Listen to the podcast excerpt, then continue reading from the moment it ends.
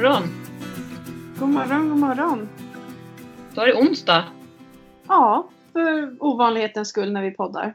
Ja, det brukar ju som sagt vara måndagar men Ja, då var det fullt, eller den här veckan var det fullt upp här i början på veckan.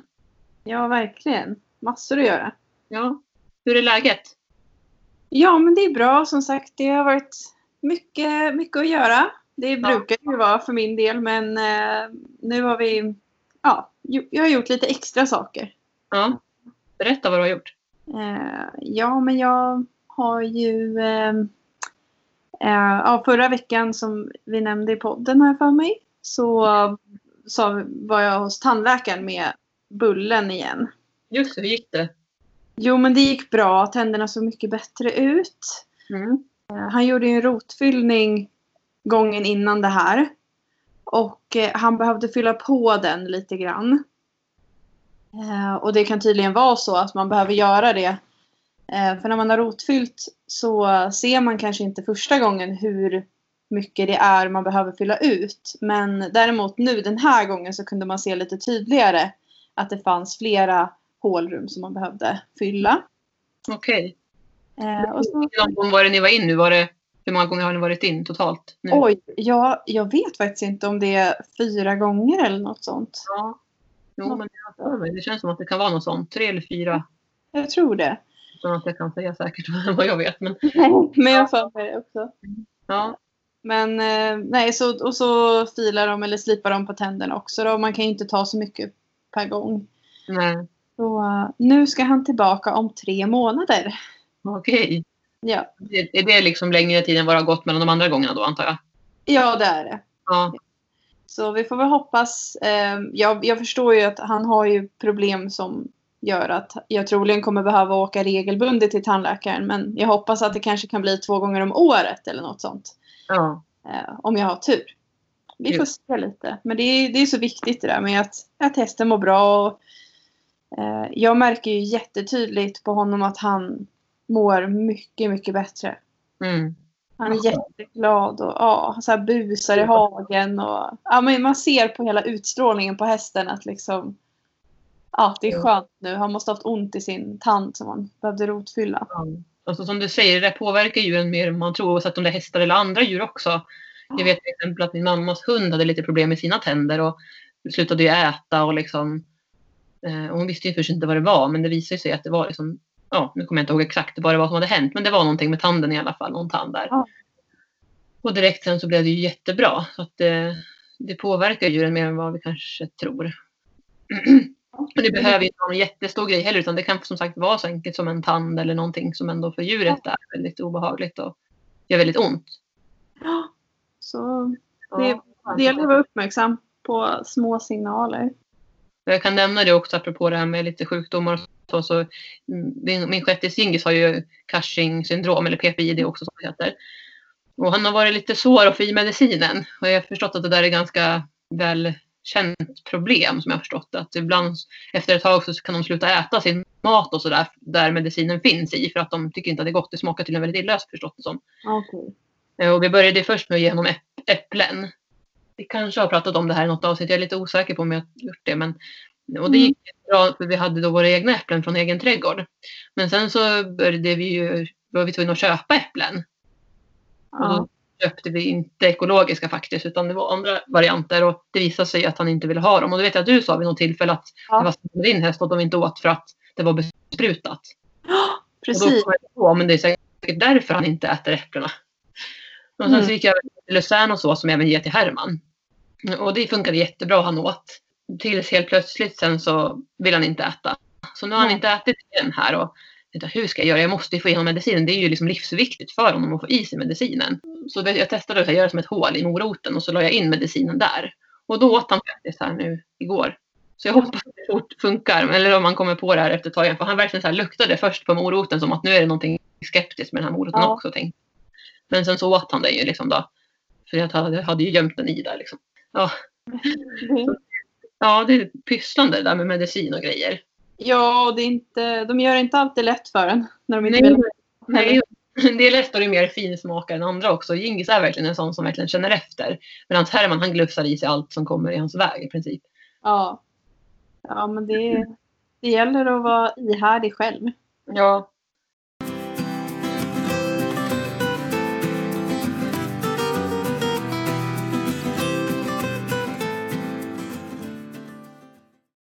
Ja, och sen, jag har haft lite lektioner förra veckan och i helgen så var jag faktiskt iväg på trav. Vår ena eh, varmblod, han, eh, han startade ju faktiskt på travet. Mm.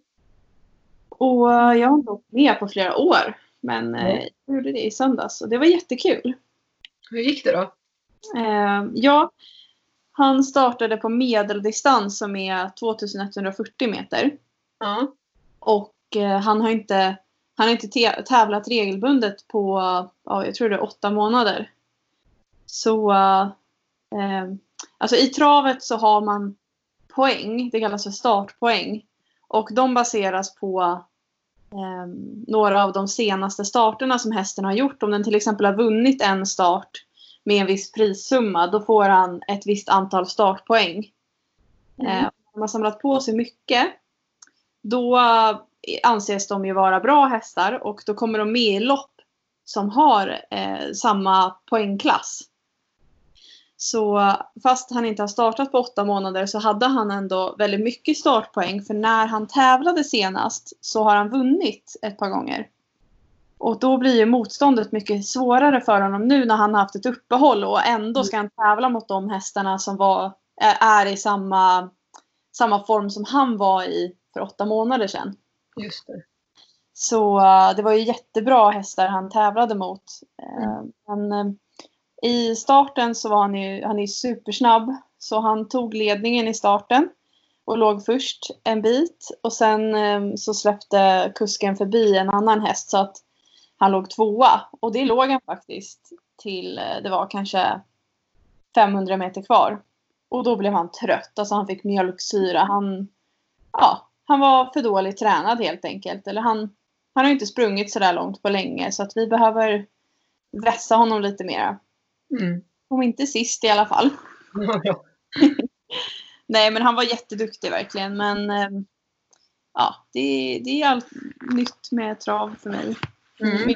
Jag har hållit på med det länge. Han har ju tränarlicens och sådär. Så vi ska satsa lite på att köra lite mera trav med honom faktiskt. Så att han, han går lite dressyr och så kommer han kanske gå någon utritt i veckan. Men sen kommer det vara två travpass i alla fall varje vecka. Vad kul, vad spännande. Ja men det är jätteroligt och det är så kul med trav och galopp för det får man ju hålla på med nu. Mm. Det, det är väldigt eh, strikt hur många man får vara med när man åker iväg på en tävling och sådär. Eh, så att det, de försöker följa alla restriktioner som finns och så men jag tror att traven och galoppen är öppen för att eh, det anses vara en, ett jobb, en arbetsplats. Just det. Mm. Så att därför får man hålla på med det. Eh, Och samma dag så var Euforian och Emma iväg och red en programträning i medelsår C1. Eh, Och Euforian han hade en... Han hade inte en jättebra dag. Han var jättetittig och han kan bli sådär ibland. Okej. Mm. Men eh, trots att han var så spänd och tittig så fick de ändå 60 procent. Och eh, det är jättebra för att de har höjt sin lägstanivå väldigt mycket. Eh, och de fick faktiskt några sjuor i bedömningen så det var ju toppen verkligen. Bra. Ja. Ja, men ja, sen har jag ju tränat och, och sånt där som vanligt. Det är väl det jag har hållit på med. Ja, Hur är, hur är det med dig då? jo, men det är bra. Och eh, jag har haft hästskötarkurser då, som vanligt. Mm. Och eh, det har var- varierat med både lite körning med Gingis och ridning på ridbanan och ridning till sommarhagen. Inte direkt någon uteritt för att det har varit så himla blött och regnigt ju. Ja, fy. Det är lite si och så med ridvägar och sådär men eh, vi har ridit mycket liksom, hemma vid så att säga. Så det har varit bra och så. Mm. Eh, Ja, det är väl typ det gamla vanliga alltså, som har hänt. Så. En relativt lugn vecka då kanske? Precis, det var rätt så lugn. Mycket förstås med mitt andra jobb. Det är ju det som tar mycket liksom, av min tid. Hästverksamheten är ju som sagt en liten del bara så. Men eh, eh, ja, det, allt liksom tar ju sin tid ändå. Men försöker att hålla det lite på lite lagom nivå. Jag skulle kunna, framförallt nu i coronatider så är det ju många som vill komma och rida så där men det går inte riktigt att liksom åka upp sig för mycket. Allting annat runt omkring måste funka också. Mm. Och så har det varit att förstås umgås med familjen och så. Och nu veckan som, som den här veckan är ju kort vecka så mm. våran son han går ju sista dagen i skolan idag onsdag. Sen är han ledig torsdag, fredag och sådär. Ja, vad härligt. Det är ju, jag tycker den här tiden på våren, det finns så mycket att fixa med hemma och så också i trädgården och sådär. Eh, och vilket är skönt att det finns saker att göra. Framförallt i coronatiden man kan vara ute och så. Ja men verkligen. Jag hoppas nu verkligen som de säger att det ska bli finare väder och sådär så man kan vara ute mer. Ja det verkar ju som det i alla fall. För att annars tycker jag som veckan som har varit har ju varit väldigt regn. Jag vet inte hur ni har haft det hos er men, och alla lyssnare men här har det både haglat och regnat och snöat och det har varit alla möjliga väder och självklart lite sol så här, att det har kommit så här helt plötsligt jättesoligt och sen så har det börjat hagla direkt. Ja, det är svårt att klä på hästarna. Mina hästar fryser ju så lätt och jag har ju tecken på dem när det regnar eller blåser mycket och så men Mm. sen blir det jättevarmt för solen gassar på och så Ja, kommer det hagel. Ja, det där är svårt. Ja det är det faktiskt. Nu har ju inte mina, liksom, de har ju tecken när det blir så riktigt regnigt och kallt men Mm, och Djingis han har ju eksemtäcke ju på, just det. på året. Men just det här att när det regnar och blir kallt och haglar sådär så då vill jag inte att han ska ha det utan då får han ha regntäcke. Ja, Men det är ju det där att hinna med och liksom hinna byta tecken när det blir när det helt plötsligt ändrar sig sen. Som jag Mm. kan tycka, om jag har mina hästar hemma så är det alltid en utmaning framförallt också just för att jag har tre barn och liksom allting rullar på med företag och sådär. Så just att hinna vara liksom uppmärksam på att ah, men nu blir det fint väder här, nu måste jag ut och sätta på extremtäcket. Det är väl det som jag tycker är det svåra faktiskt. Jag, Ja. säga. jag vill ju ändå skydda honom och och svans och så här så att inte insekterna kommer åt honom. Och de är ju där direkt de här insekterna så fort det liksom har slutat regna. Och ja. så kommer de ju när solen kommer. Så det är lurigt det där tycker jag. Men har han, han, eh, det har börjat nu med eksemtäcke och så på honom? Ja, så han brukar ha det från när det blir ungefär en 5 plusgrader. Eh, Oj. Fick jag rekommendationen att så fort liksom det börjar, som minusgraderna börjar försvinna, att det börjar liksom bli plusgrader, då kommer insekterna. Jag har märkt det också i och med det att jag börjar bli uppmärksam och förstå hur viktigt det är att täcka hästen tidigt på säsongen. Mm. Så har ju märkt liksom att det är ju, alltså myggorna är väldigt tidiga. Alltså de kommer ju där i mars, april. Beroende på förstås vart i Sverige man befinner sig, men just här i Uppland så är de ju, det, det är ungefär där omkring tycker jag som de brukar komma. Och då brukar han få ha täcke och då har han ju som typiskt eksemtäcke för hals och Ja. kroppen under magen och så där.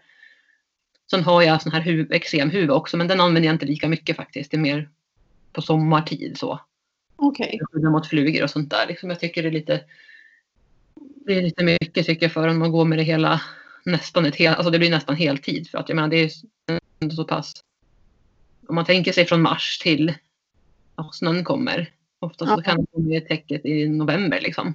Det blir Ja. väldigt lång tid för en om man går så Ja. täckande hela tiden så att jag brukar faktiskt förlåt, inte alltid ha den här flyghuvan.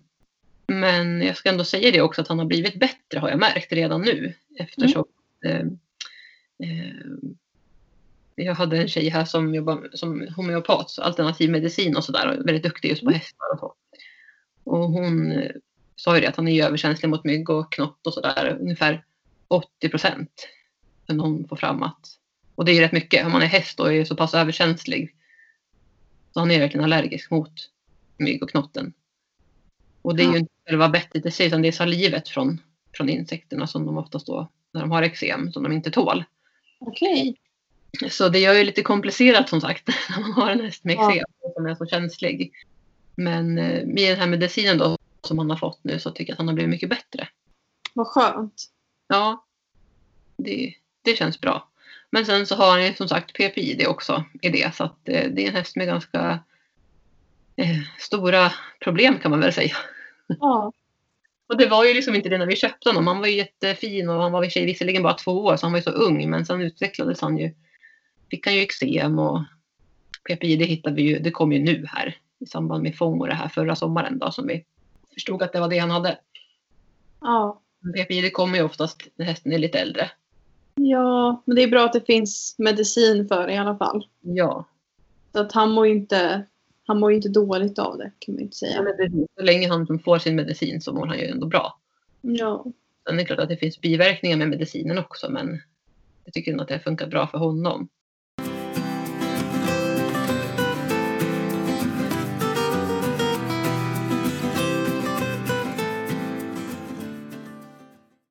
Ja, eh, men vi pratade lite grann förra veckan pratade vi om det här med svårfångade hästar och sådär.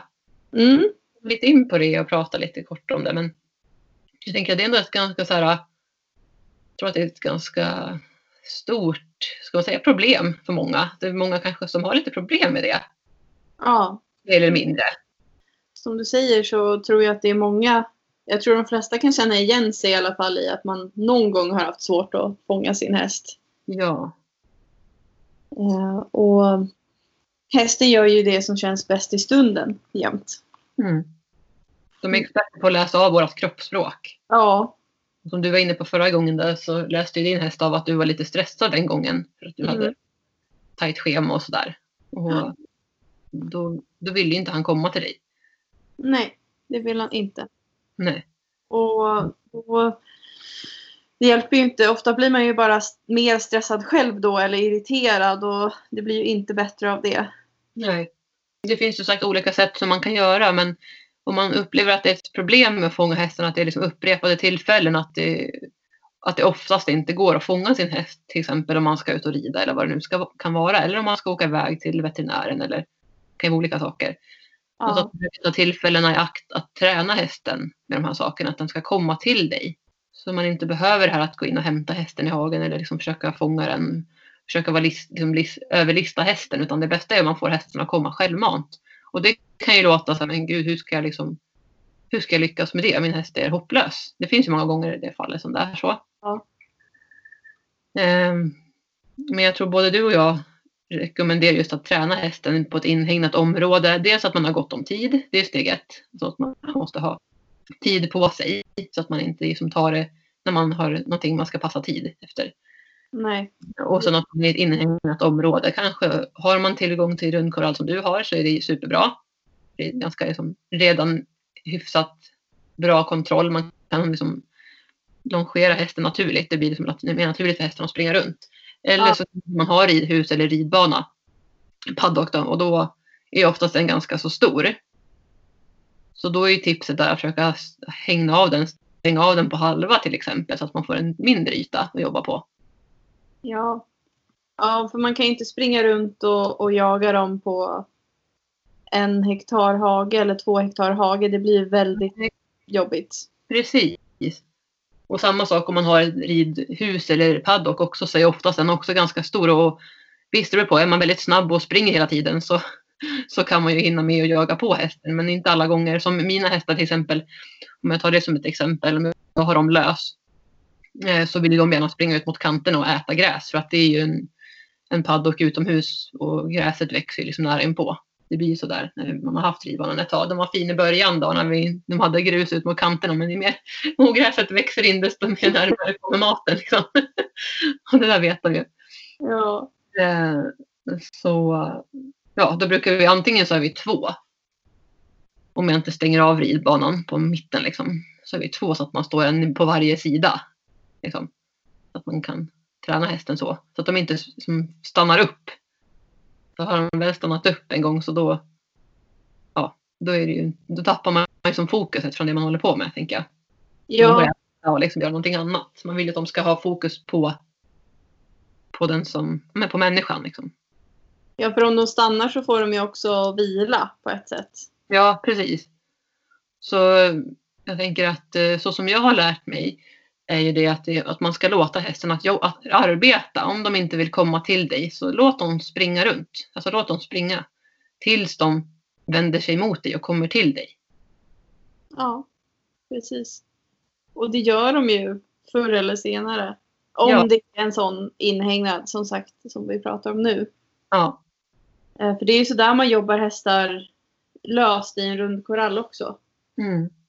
När du ber dem att vända in mot dig eller att byta varv så gör de inte det eller ökar de farten eller försöker att vända ut mot väggen, vilket inte är bra för då kommer rumpan Mm. mot då, då får du liksom vara snabb och säga nej, fortsätt där du, i det varvet jag sa till dig.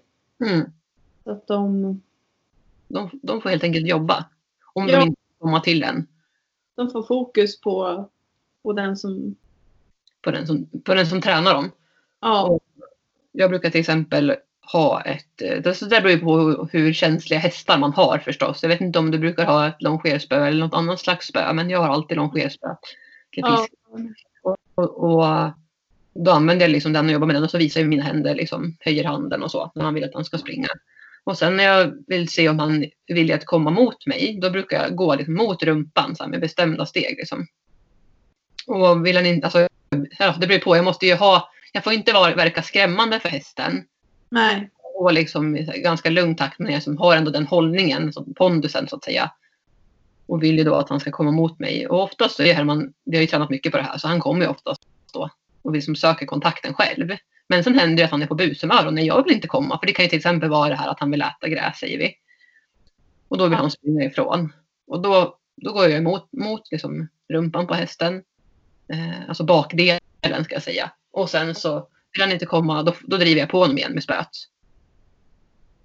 Eh, Och det man kan säga här också, en viktig grej som är jätteviktigt, det är ju faktiskt att man håller avståndet så att man inte kommer för nära hästen om de kickar. Eller, nej.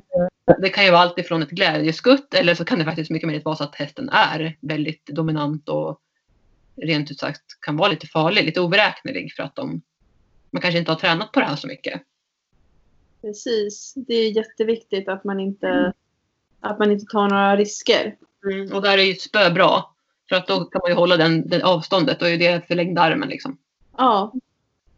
Det är en trygghet i sig. Jag brukar ju aldrig använda spöet på hästen utan Nej. jag använder ju spöet som en förstärkning genom ljud. Alltså man Mm. kan i luften och då låter det och sådär. Så att det, det är ju ungefär som, ja men, ja men som sagt en förstärkning på din röst eller de hjälperna du redan gör. Mm. Precis så.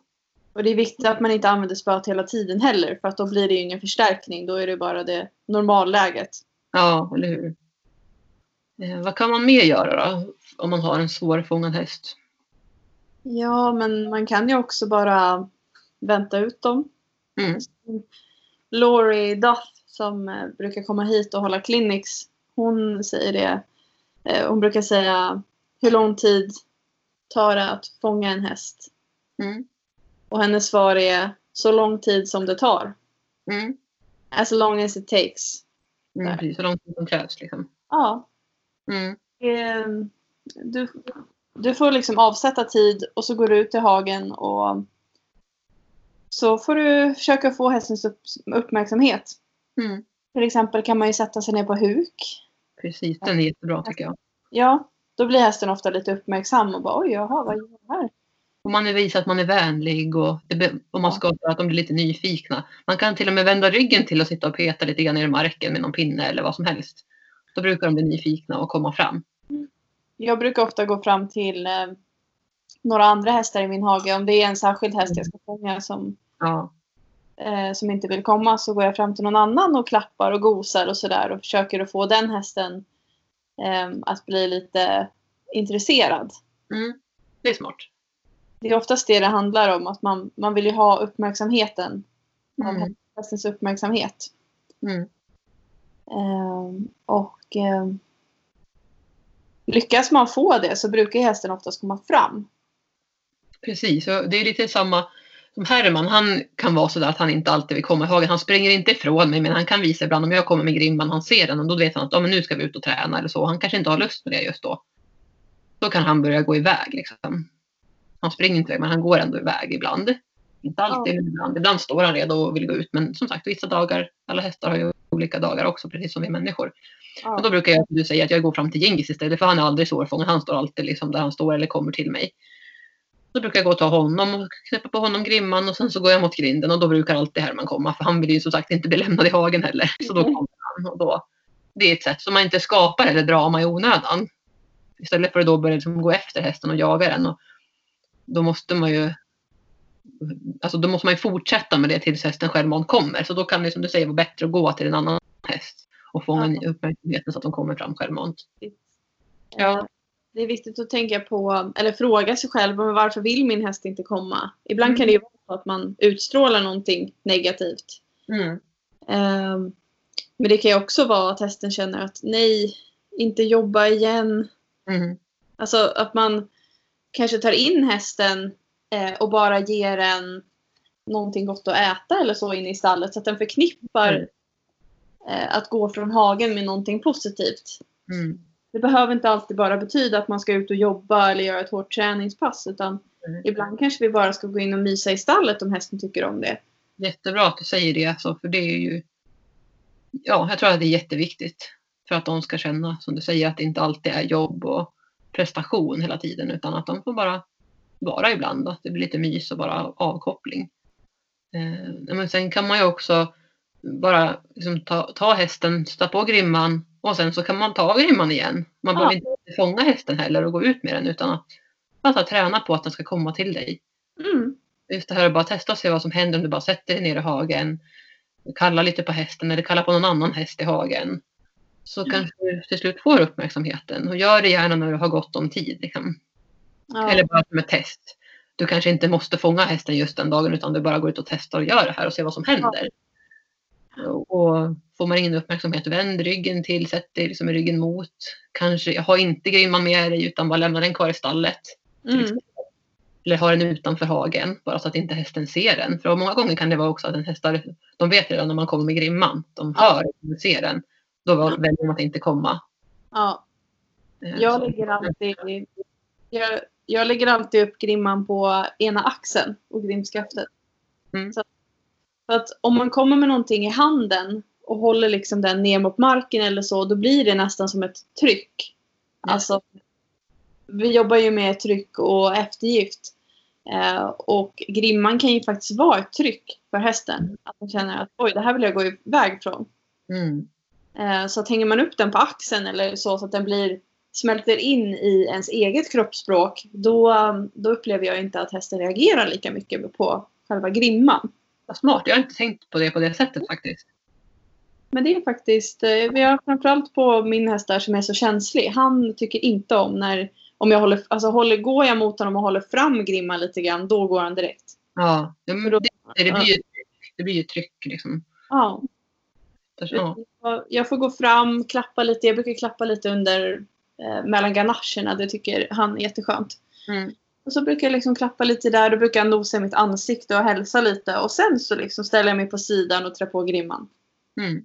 Bra. Det, jag tror det är jätteviktigt att man in, om man har en känslig häst som är rädd om huvudet. Mm. Då ska man inte gå mitt framför hästen och liksom bara sträcka fram grimman rakt mot hästen. För då Nej. kommer den att backa. Mm. Det blir ju naturligt. naturligt.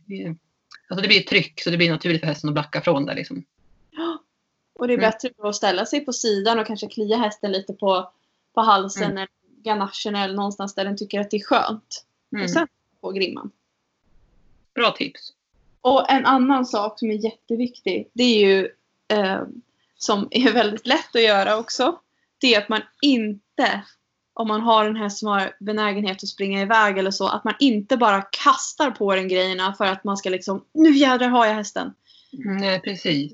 Det blir ju jättenegativt i längden för då kommer ju hästen tycka att men gud hon attackerar mig. Mm.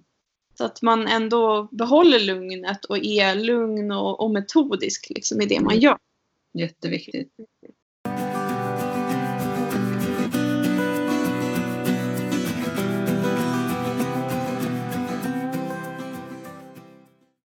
Men det här med online... eh, Just det.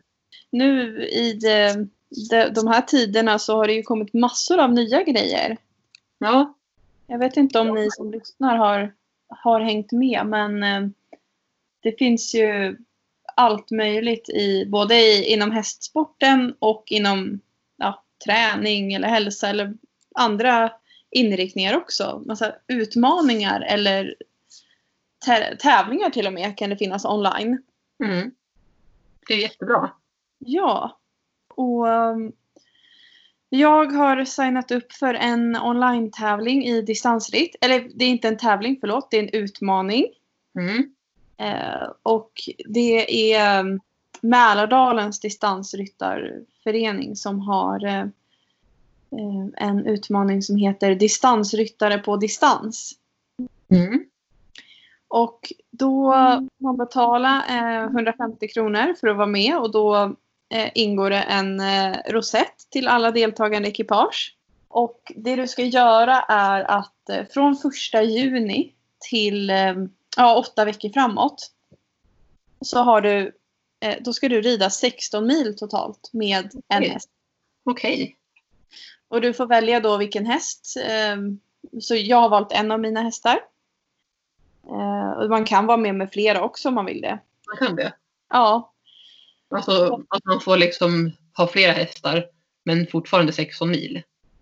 Eller? nej, jag tror att det är 16 mil per häst. Ja, det är så. Mm. Ja, men däremot så kan man också göra så om man har medryttare på hästen. Att Mm. jag och min medryttare anmäler oss med samma häst. Och får då räkna milen tillsammans. Okej. Så Mm. att om jag rider två mil och min medryttare rider en mil så har vi ridit, eller hästen gått tre mil totalt. Så Det är egentligen hästens prestation man mäter, liksom hästens antal mil. Det är det som är grejen. Ja. Eh, Så att det är en väldigt rolig grej och de hade eh, typ 200 anmälningar häromdagen så det är så kul. himla kul. Vad kul. Ja. Eh, och jag, jag hoppas att det här med online-tävlingar och utmaningar kommer vara någonting som finns kvar. Även Mm. när samhället går tillbaka till det mer normala. Mm. Det är, hoppas det också. Och jag tror det. Jag tror att inom alla eh, områden, eller många områden som har börjat med, med online, oavsett vad det är. Det här med både det här att jobba hemifrån och allt det här, jag tror att det kommer bli liksom mera, mera av det. Så att vi kommer se mer online. Ja, det tror jag också. För ehm, nu inser man ju att så himla mycket går att göra online. Ja. Sen är det klart att det finns ingenting som, alltså det personliga mötet är ju självklart det bästa. Liksom. Det, det behöver vi också ha när vi nu har möjlighet att komma in på det liksom igen här efter det här med corona och så. Men det här är ju ett bra komplement.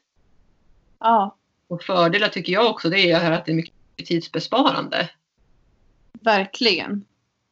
Som det här med att ja, både resande och allting runt omkring som det faktiskt tar när man ska ta sig till tävlingar eller vad det nu kan vara. Liksom.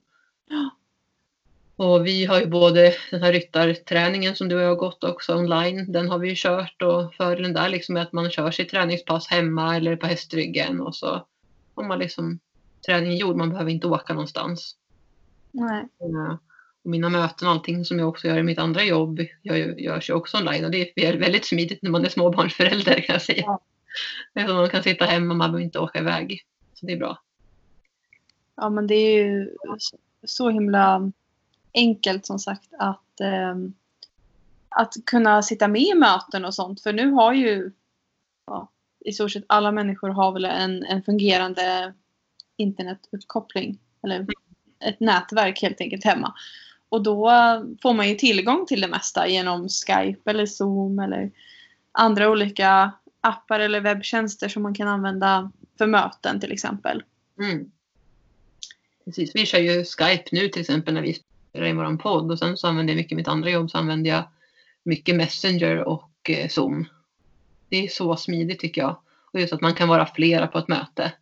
Ja, Vi har ju kört på det här ganska länge i och för sig på det här sättet så för mig är det inte så mycket nytt så men men ehm, nu, är det ju bara, nu kör vi ju bara allting online och, och det är ju självklart nytt att bara göra det så. Eh, men jag ser verkligen positivt på det också. Personliga mötet är ju någonting som, som jag tycker väldigt mycket om och som, som jag tycker är viktigt. Men vi kan ju inte göra det nu på det sättet så att då får det ju bli så här. Och jag tror ändå att det kommer som sagt vara mycket online framöver. Ja, jo, men det tror jag också. Ehm, och ehm, ja, jag nämnde ju förut, för några veckor sedan var ju Emma med i en online-tävling i dressyr också. Mm. Det funkade ju toppenbra att filma, filma sig själv och skicka in. Och så Mm. kan man ändå känna att man får en, en sån här motivationsboost Eh, med, i, det kan ju vara under vintern också när det inte är några tävlingar till exempel. Mm. Man bara ska träna hemma. Bra för att peppa sig själv och så, för motivationen och så. Jag har varit med i några tävlingar eh, genom olika appar, så träningsappar. Mm. Då finns det till exempel en app som heter Endomondo som jag hade för flera år sedan. Mm. Och där kan man välja ridning. Och där kunde man gå med i olika utmaningar. Och jag vet att jag var med i någon där man skulle samla mest mil på en månad. Mm. Och då blev jag jättepeppad att rida med, med hästarna liksom och, och ha igång appen så att den spelade in mina mil. Mm. Så att man kunde hamna hö, högt upp i listan eller jag vann också någon gång tror jag. Och det tyckte Mm. jag var jättekul. Förstår det. Ja. Är det någonting mer som hänt som vi ska ta upp?